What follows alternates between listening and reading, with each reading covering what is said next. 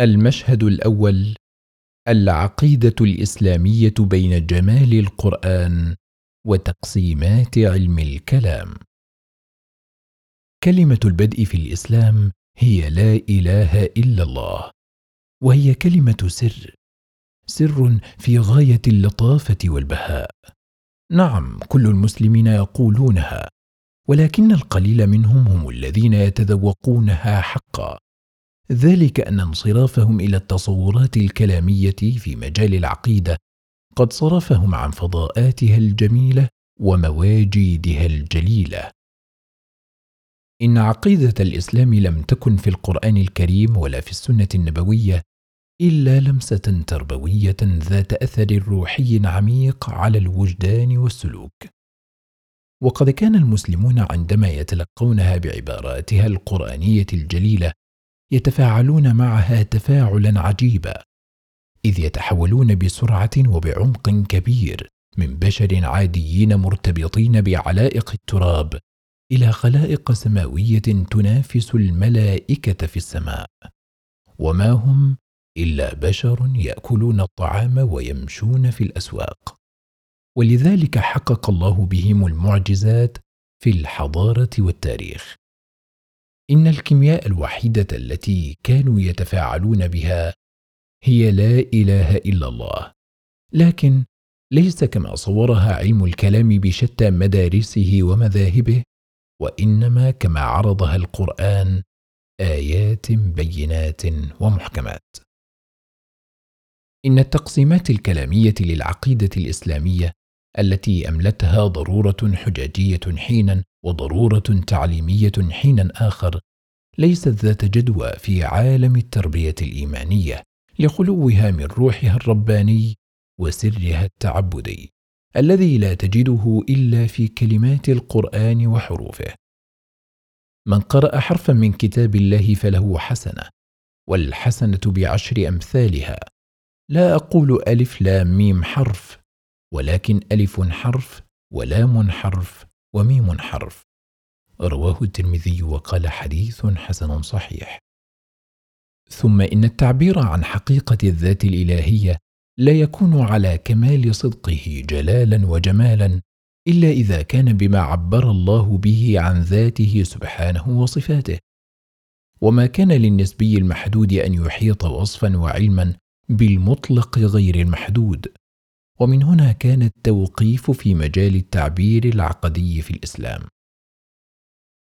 كثير من الناس يتكلم في العقيدة اليوم ولكن قليلا منهم يتفاعل معها لأن العلم الجدلي ما كان له أن يؤتي ثمارا قلبية وهو قد أنتج أساسا لإشباع رغبات العقل المماري لا لإشباع حاجات القلب الساري.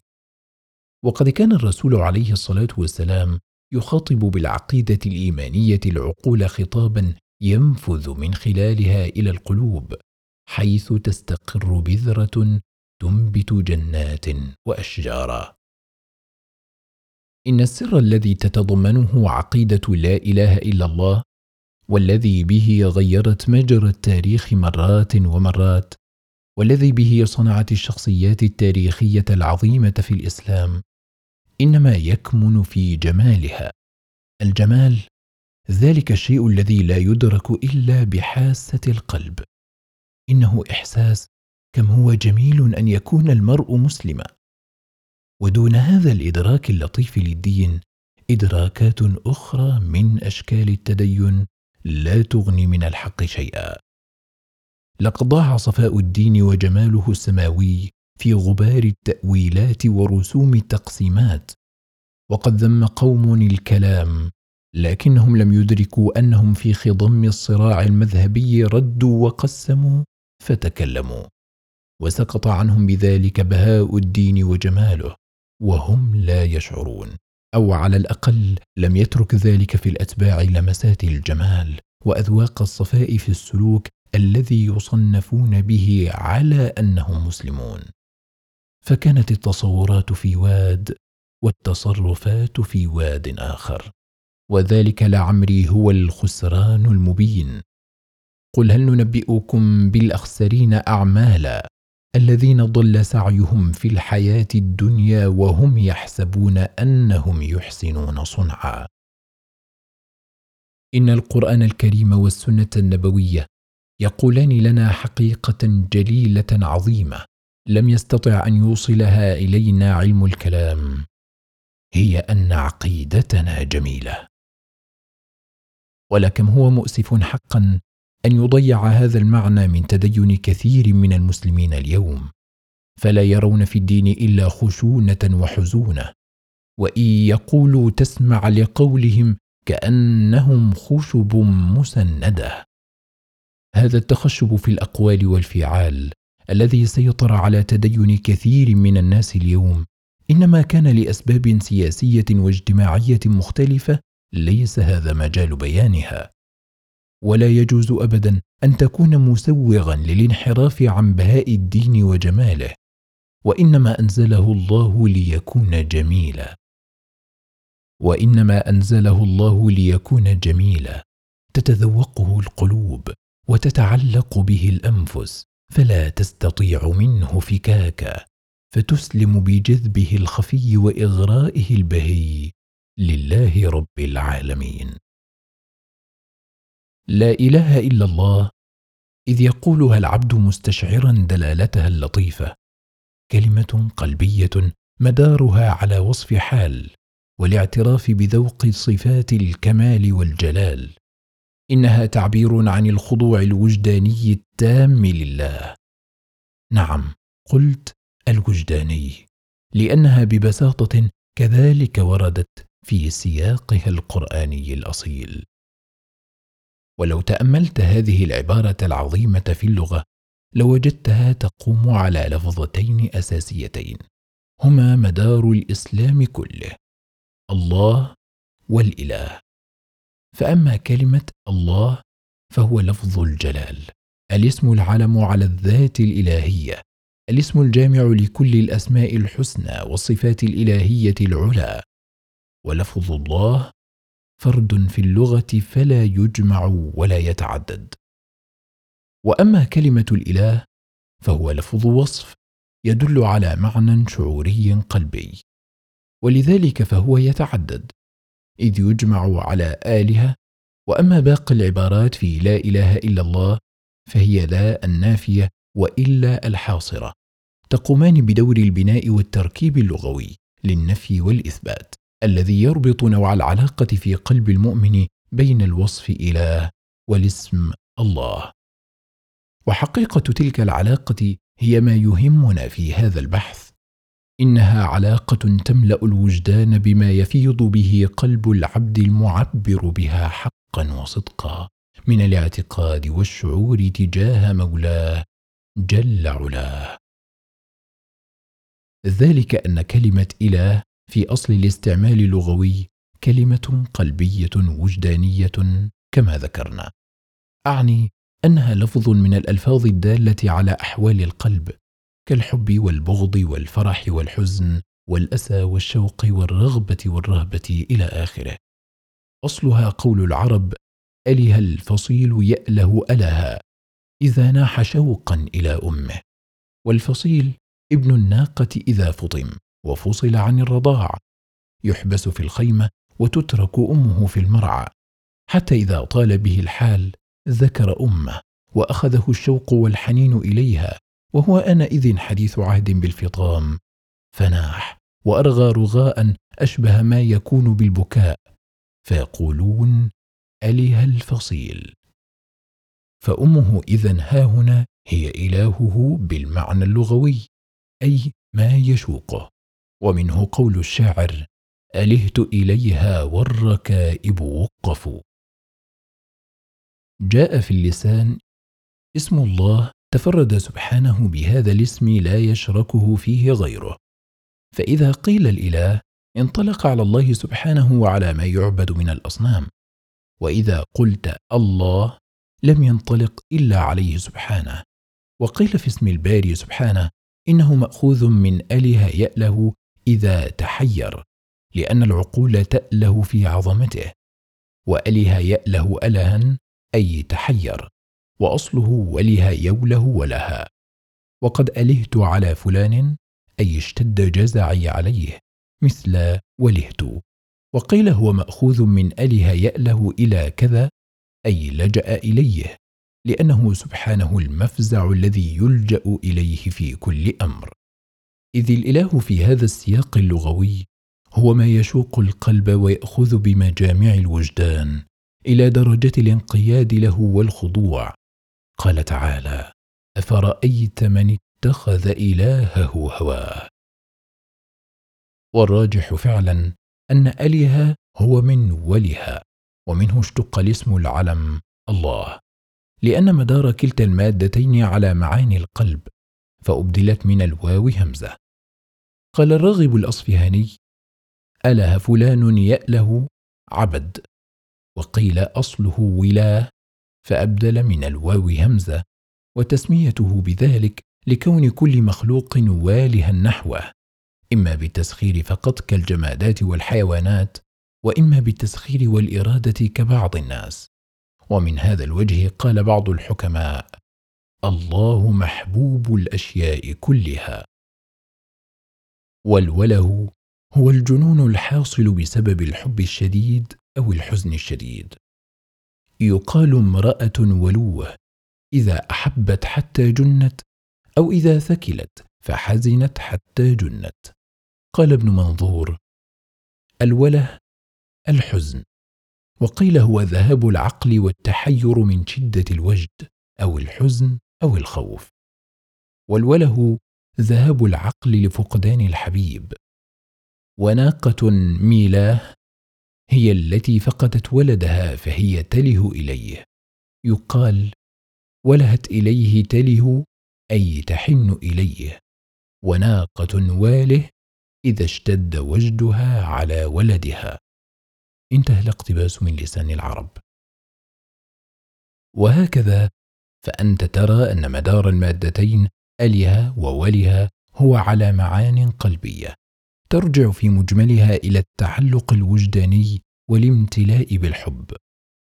فيكون قول المؤمن لا إله إلا الله تعبيرا عما يجده في قلبه من تعلق بربه تعالى أي لا محبوب إلا الله ولا مرهوب إلا الله ولا يملأ عليه عمارة قلبه إلا قصد الله. إنه أشبه ما يكون بذلك الفصيل الصغير الذي ناح شوقا إلى أمه إذ أحس بألم الفراق ووحشة البعد. إن المسلم إذ يشهد أن لا إله إلا الله يقر شاهدا على قلبه أنه لا يتعلق إلا بالله رغبة ورهبة وشوقا ومحبة وتلك لعمري شهادة عظيمة وخطيرة لأنها إقرار واعتراف بشعور لا يدري أحد مصداق ما فيه من الصدق إلا الله ثم الشاهد نفسه. ومعاني القلب لا تحد بعبارات ولا تحصرها إشارات. ومن هنا كانت شهادة أن لا إله إلا الله من اللطافة بمكان بحيث لا تدرك على تمام حقيقتها إلا ذوقا. قال ابن القيم رحمه الله إن محبة العبد لربه فوق كل محبة تقدر ولا نسبة لسائر المحاب إليها وهي حقيقة لا إله إلا الله. إلى أن يقول في نص نفيس تشد إليه الرحال فلو بطلت مسألة المحبة لبطلت جميع مقامات الإيمان والإحسان ولتعطلت منازل السير إلى الله فإنها روح كل مقام ومنزلة وعمل. فإذا خلا منها فهو ميت لا روح فيه ونسبتها إلى الأعمال كنسبة الإخلاص إليها بل هي حقيقة الإخلاص بل هي نفس الإسلام فإنه الاستسلام بالذل والحب والطاعة لله فمن لا محبة له لا إسلام له البتة بل هي حقيقة شهادة أن لا إله إلا الله فإن الإله هو الذي يألهه العباد حبا وذلا وخوفا ورجاء وتعظيما وطاعة له بمعنى مألوه وهو الذي تألهه القلوب أي تحبه وتذل له فالمحبة حقيقة العبودية. ذلك أن معنى الإسلام هو الخضوع لله رب العالمين والاستسلام لأمره تعالى. إنه الاعتراف الوجداني أي التعبير العملي عن الشعور الحقيقي الذي يلامس القلب عندما يدرك العبد ويجد أنه عبد لسيد هذا العالم العظيم. وحقيقة كون المسلم عبدا هي الحقيقة التي تغيب عن أكثر المسلمين فيحدث بسبب ذلك الانحراف بشتى ألوانه وأشكاله. إن العبد مسلوب الإرادة. ليس بالمعنى الكلامي ولكن بالمعنى الوجداني. أعني أن تجد الشعور بأنك أيها المسلم ملك لله الواحد القهار. تدور في فلك العبودية والخدمة كما تدور الكواكب في الأفلاك. له مقاليد السماوات والأرض والذين كفروا بآيات الله أولئك هم الخاسرون. وتلك هي مدارات اللفظ عبد في اللغة. إنها لا تخرج عن معاني الذلة والخضوع والخنوع والانقياد كما تنقاد الأنعام المذللة لمالكيها رغبة ورهبة انقيادا لا تشنج فيه ولا تفلت. والعبد لا يكون إلا في باب الخدمة بين يدي مولاه واقفا على العتبة ينتظر الأمر والنهي بشوق المحب ليبادر إلى التنفيذ دون سؤال علام ولمه لا يسأل عما يفعل وهم يسألون.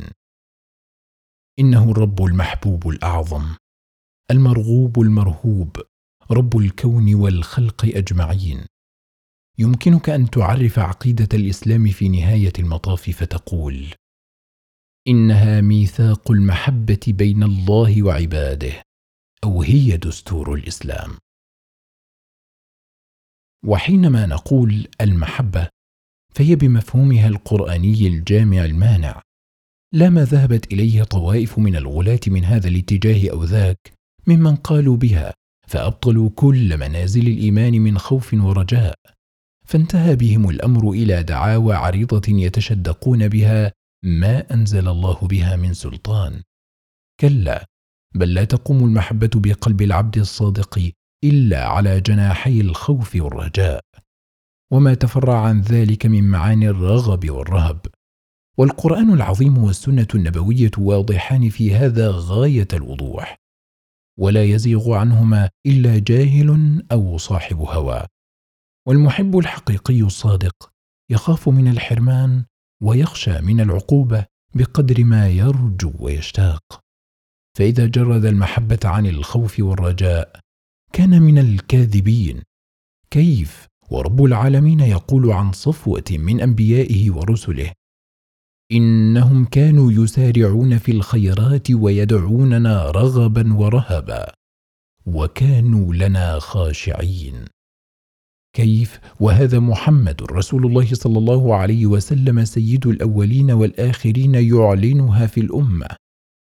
أما والله إني لأخشاكم لله وأتقاكم له. وفيه قال فمن رغب عن سنتي فليس مني. الحديث متفق عليه. ألا وإن أي انحراف عن هذه السبيل لا يكون إلا جهلا بالدين أو زيغا عن الضلال المبين. فعلى هذا الوزان إذن نقول إن عقيدة الإسلام قائمة على المحبة بل إنها ميثاق المحبة وبذلك المعنى كانت تفيض بأنوار الجمال ومباهج الجلال. فليس عبثا أن يقول النبي صلى الله عليه وسلم إن الله تعالى قد حرم على النار من قال لا إله إلا الله يبتغي بذلك وجه الله. الحديث متفق عليه. أكلمة واحدة تتلفظ بها فتدخل الجنة؟ نعم ولكن إنها ليست بكلمة ولا كلمات. إنها توجه قلبي وميل وجداني. إنها مسألة حب. وإن من أحب الله أحبه الله. إنها حقيقة جميلة وعظيمة. وإن عدم إدراكها ذوقا ووجدانا. قد كان سببا في تضييع معاني الدين. وانحراف كثير من الناس عن منهاجه المستقيم. ولقد تهت شخصيا عن هذا المعنى زمنا. ولي في هذا الشأن قصة أذكرها لعل فيها من ينبئ عما تعانيه حركة التدين في المجتمع اليوم. عسى أن نتمكن من تشخيص مكمن الداء وذلك أني في فهمي للدين عموما وللعقيدة منه خصوصا مررت بثلاث مراحل. المرحلة الأولى هي التي ورثتها عن بيئتي الإسلامية التقليدية حيث كان الدين بالنسبة لي سلوكا خاصا بالشيوخ وكأنما هو على طائفة الشباب نفل وتطوع. ثم إن عبارة لا إله إلا الله كانت أقرب عندي إلى الشعار منها إلى الشهادة. فلم أكن أفهم منها أكثر من مجرد كونها عنوان الدخول إلى الإسلام واكتساب صفة مسلم كما هي عند سائر الناس. لكن هذا المعنى ولله الحمد لم يدم في تصوري طويلا. فقد انتبهت في مرحلة الشباب الأولى إلى شيء اسمه الحركة الإسلامية وذلك بسبب ما كان يصلني عنها من أصداء وصراعات خاصة في الصف الطلابي بالجامعة وأنا انئذ ما أزال تلميذا بالصف الثانوي. فكانت تلك إذن هي المرحلة الثانية في حياتي الدينية وبحلولها زالت الصورة الأولى التقليدية من ذهني. وأبدلتها بما صرت أتلقاه من أدبيات إصلاحية ومقولات دعوية جديدة مثل الإسلام دين ودولة ومصحف وسيف إلى آخر ذلك.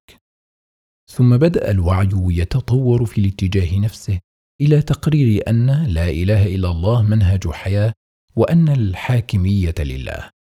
وهكذا بدأ الوعي الديني يتسع في وجداني شيئا فشيئا. حتى انخرطت في حركة الوعي الإسلامي عاملا بهذه المفاهيم مجاهدا في سبيلها. لكني أصدقكم القول. لقد مر علي دهر وأنا أعمل على هذه التصورات دون أن أجد للدين لذة في وجداني. هذه هي الحقيقة. إنني لا أتهم تلك التصورات بالقصور كلا ولكن كانت ظروف التلقي سيئة للغاية. لقد انفتح وعي الجديد هذا على مرحلة رد الفعل غير المتوازن في تاريخ الأمة المعاصر. فكان أن تلقيت كل التصورات الجديدة في سياق مواجهة الغرب ومقاتلة العلمانية ومدافعة الماركسية ومجاهدة الطغيان السياسي والظلم الاجتماعي. فاكتسبت من صفات المحامي كثيرا بيد أني لم أكتسب من سلوك المؤمن إلا قليلا فعشت مع الناس أكثر مما عشت مع الله. لأن هذه الظروف جعلتني أفهم عقيدة لا إله إلا الله في سياق واحد ووحيد. هو أن الحاكمية إنما هي لله وبدا لي زمنا أن ما سوى تصحيح قضية الحكم والتشريع في الدولة جزئيات من الدين. لا تستحق أي اهتمام. وكانت لنا أنشطة في هذه الاتجاهات فبدأت ألاحظ أن معي على الجبهة الواحدة من يخطب الليل كله ولا يصلي لله فريضة واحدة في وقتها. فإن فعل فبلا خشوع ولا طمأنينة ينقرها نقر الغراب. لقد تعلمنا شهوة الكلام. نعم اتبعنا الشهوات وأضعنا الصلاة. إلا قليلا. وبدأت أرى الآفات الخطيرة تعصف بالصف الإسلامي. العجب وحب الرياسة والتصدر أمام وسائل الإعلام. ورأيت بأم عيني أن هناك فتنة أخرى لم أعرفها من قبل. هي فتنة الكاميرا أو فتنة الميكروفون كما سماها بعض الظرفاء. ورأيت رقة في الدين تجتاح الصفوف المتدينة كالوباء الفتاك. وسقوطا هنا وهناك. يتتابع بين الإخوان والأخوات على السواء. المنادي ينادي للصلاة حي على الصلاة حي على الفلاح. وخطاب الواجهة الفاتنة المفتونة مستمر كأنه لا يسمع شيئا. وضربت الصفوف الدينية آفات المجتمع المريض من رعونة وتحلل خلقي. وانسياق وراء كثير من مغريات الحياة الدنيا وفتنتها. وبدأت أسأل نفسي متهما إياها أي دين هذا؟ وأي صلاح هذا؟ وبدل أن يتنافس شباب الصحوة الإسلامية حول منازل العلم ومقامات التقوى والورع بدأوا يتنافسون حول حدود الشبهات ويتبارون أيهم أقدر على الرعي حول الحمى دون أن يقع فيه. زعموا وانطلق السباق نحو الهاوية.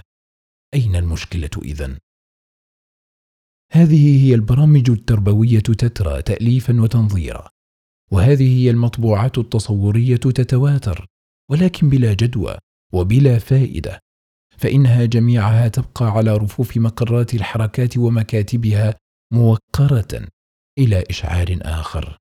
فأين الخلل؟ ولطالما وضع هذا السؤال ولكن أين من يتابعه؟ وبقي الأمر بالنسبة لي غامضا حتى لقيت بعض أساتذة الأجلاء ممن تتلمذت عليهم وأخذت عنهم علم الدعوة وعلم البحث العلمي. فكانت لي معه جلسة مذاكرة حول بعض مفاهيم القرآن الكريم. وتحدثنا عن بعض النماذج من بينها مفهوم الإله في القرآن الكريم. فنبهني إلى الأصل اللغوي لهذه العبارة من أنه راجع إلى معنى قلبي وجداني وذكر لي شيئا من الدلالة اللغوية على المحبة مما بينته قبل قليل. فكانت بالنسبة لي مفاجأة حقيقية لا على مستوى الفهم فقط ولكن على مستوى الوجدان والشعور. نعم أذكر أني قرأت مثل هذا قبل ذلك بكثير. ولكن اندماجي الكلي في تصوراتي الأخرى وانغلاقي على توحيد الحاكمية إن صح التعبير أعماني عن مشاهدة توحيد المحبة الذي هو الأصل والمفتاح الوحيد لتوحيد الإلهية والذي منه تفرعت فروع شتى منها توحيد الحاكمية نفسه. لقد جعلت الجزء محل الكل وجعلت الفرع محل الأصل وعشت في فهمي متناقضا. فسرت في تديني مختلا كسائر المختلين حتى من الله باللحظة التي انتقلت خلالها إلى مرحلة الجديدة حيث بدأت المراجعة في حياتي كلية واكتشفت حقيقة أن هناك شيئا اسمه حلاوة الإيمان ذوقا لا تصورا وحقيقة لا تخيلا ثم بدأت أعود إلى القرآن فوجدت أني كنت بعيدا جدا عن بشاشته وجماله وبدأت أعود إلى السنة فوجدت أني كنت أجهل الناس بأخلاق محمد عليه الصلاة والسلام وبدأت أراجع ما قرأته عن العقيدة. فوجدت صفحات مشرقة مما كتب السلف الصالح قد مررت عليها مرور الأعمى لا مرور الكرام بسبب ما غطى بصري من فهوم سابقة حتى كأني لم أقرأ قط. قلت لم تكن مفاجأتي علمية بقدر ما كانت وجدانية. لقد كنت أقرأ عبارات المحبة والشوق والخوف والرجاء ولكن دون أن أجد لها شيئا من نبض الحياة بقلبي.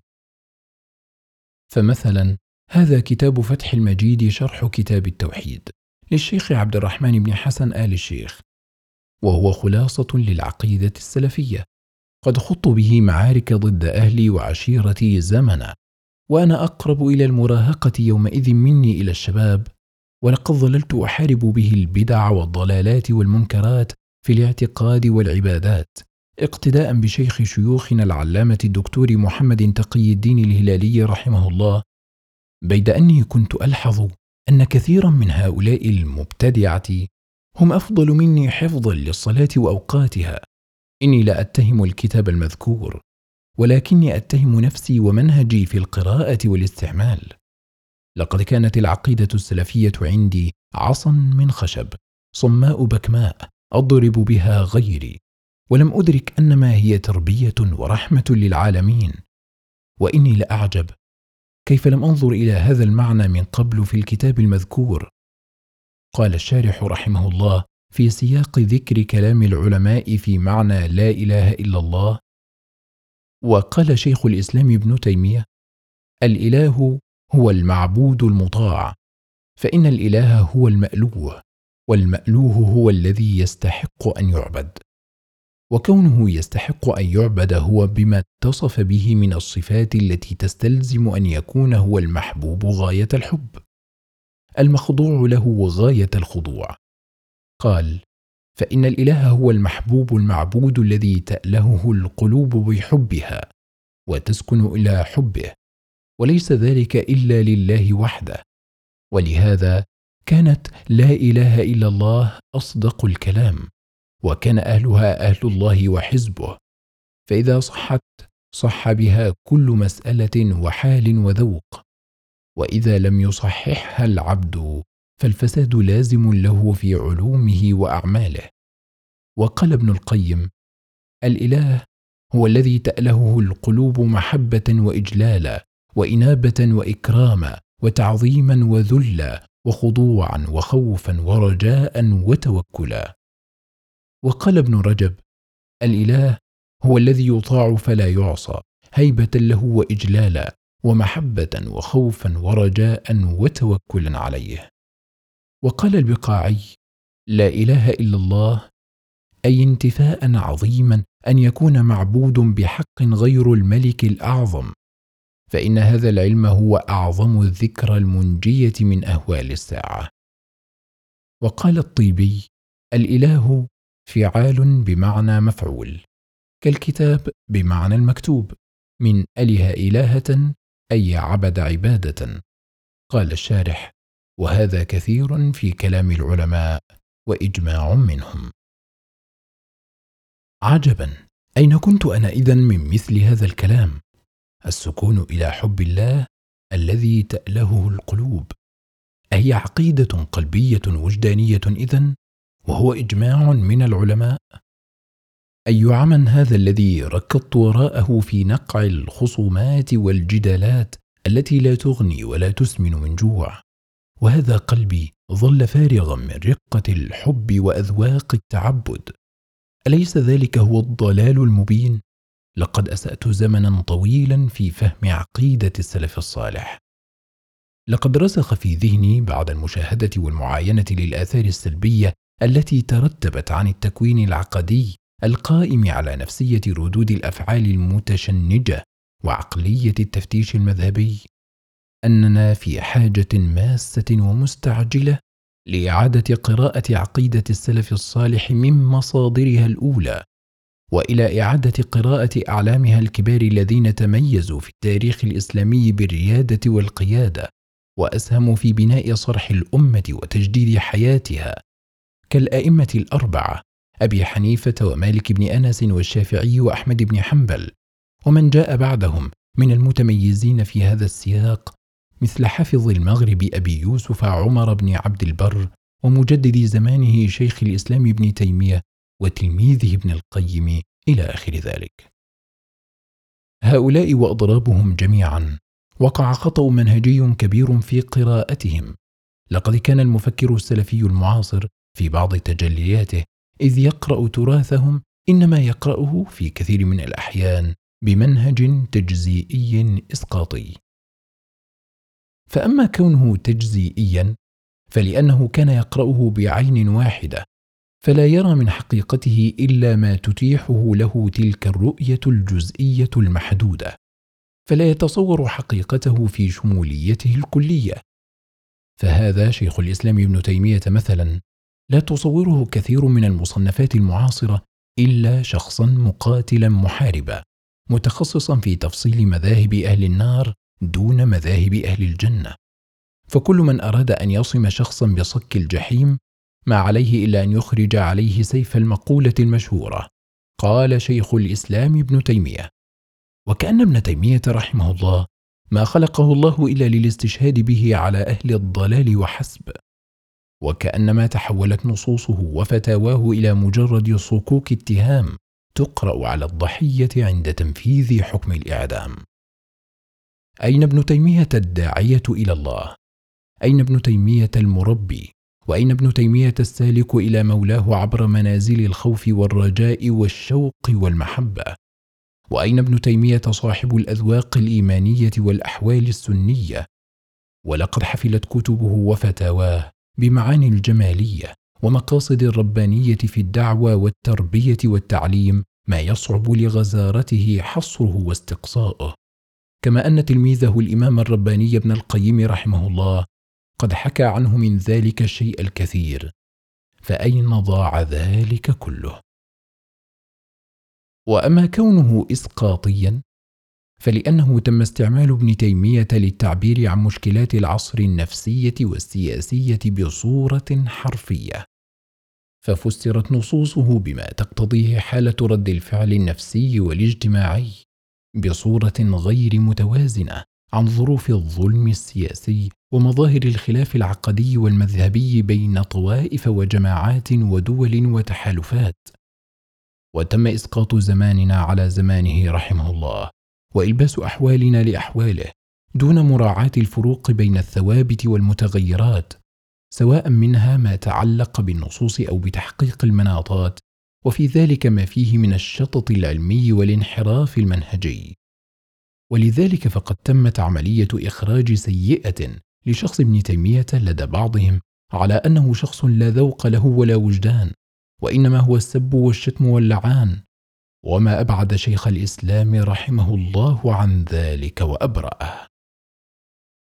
ولو تتبع متتبع النصوص فتاويه ومؤلفاته جميعا لجمع من مشاهد الجمالية وأذواقها عنده في الدين والتدين الشيء الكثير.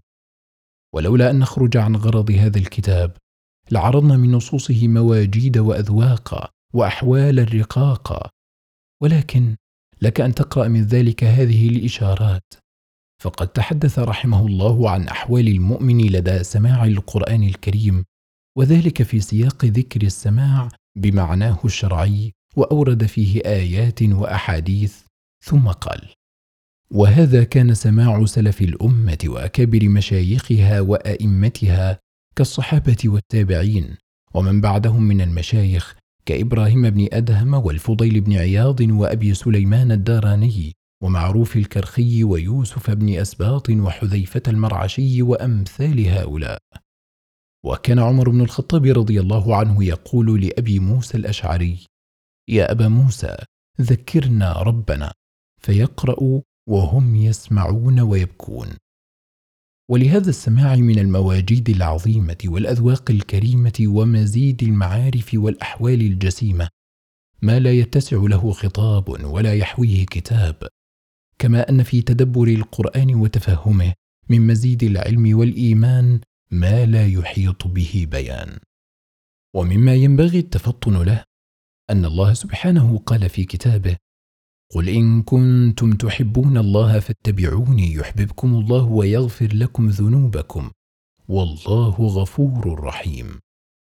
فبين سبحانه ان محبته توجب اتباع الرسول صلى الله عليه وسلم وان اتباع الرسول يوجب محبه الله للعبد وهذه محبه امتحن الله بها أهل دعوى محبه الله فان هذا الباب تكثر فيه الدعاوى والاشتباه ولهذا يروى عن ذي النون المصري أنهم تكلموا في مسألة المحبة عنده فقال أسكتوا عن هذه المسألة لئلا تسمعها النفوس فتدعيها. وكان المشايخ المصنفون في السنة يذكرون في عقائدهم مجانبة من يكثر دعوى المحبة والخوض فيها من غير خشية لما في ذلك من الفساد الذي وقع فيه طوائف من المتصوفة. وما وقع في هؤلاء من فساد الاعتقاد والأعمال. أوجب إنكار الطوائف لأصل طريقة المتصوفة بالكلية. حتى صار المنحرفون صنفين. صنف يقر بحقها وباطلها وصنف ينكر حقها وباطلها. كما عليه طوائف من أهل الكلام والفقه. والصواب إنما هو الإقرار بما فيها وفي غيرها من موافقة الكتاب والسنة. والإنكار لما فيها وفي غيرها من مخالفة الكتاب والسنة. انتهى كلام ابن تيمية. فأي جمال هذا وأي إحسان؟ وأي فقه هذا وأي ميزان؟ ألا رحم الله شيخ الإسلام؟ ما كان أبعده عما صوره عليه كثير من مدعي السلفية في هذا الزمان.